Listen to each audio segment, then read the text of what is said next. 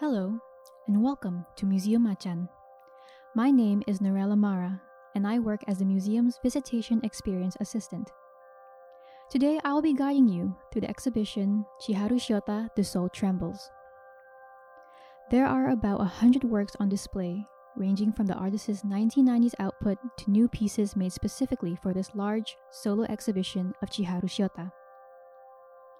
Since it was first shown at the Mori Art Museum in Tokyo in 2019, Chiharu Shiota The Soul Trembles has traveled to Busan, Taipei, Shanghai, Brisbane, and now, for the first time in Southeast Asia, we get to see and interact with these works in Jakarta.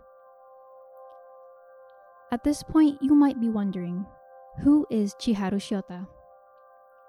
Chiharu Shiota is a Japanese artist who is active internationally and has been based in Berlin, Germany since 1997. She was born in 1972 in Osaka Prefecture. As she recalls, she had started drawing before she could write, and at the age of 12, she decided to become an artist.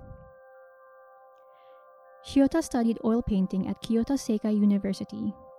Afterwards, her practice expanded into performance and installation arts, following her experience studying abroad in Australia and Germany. Over the period of 25 years, Shiota has exhibited at more than 300 solo exhibitions, group exhibitions, biennales, and other events. Shiota's works are rooted in themes of life and death that she has consistently pursued and explored through her personal experiences and memories.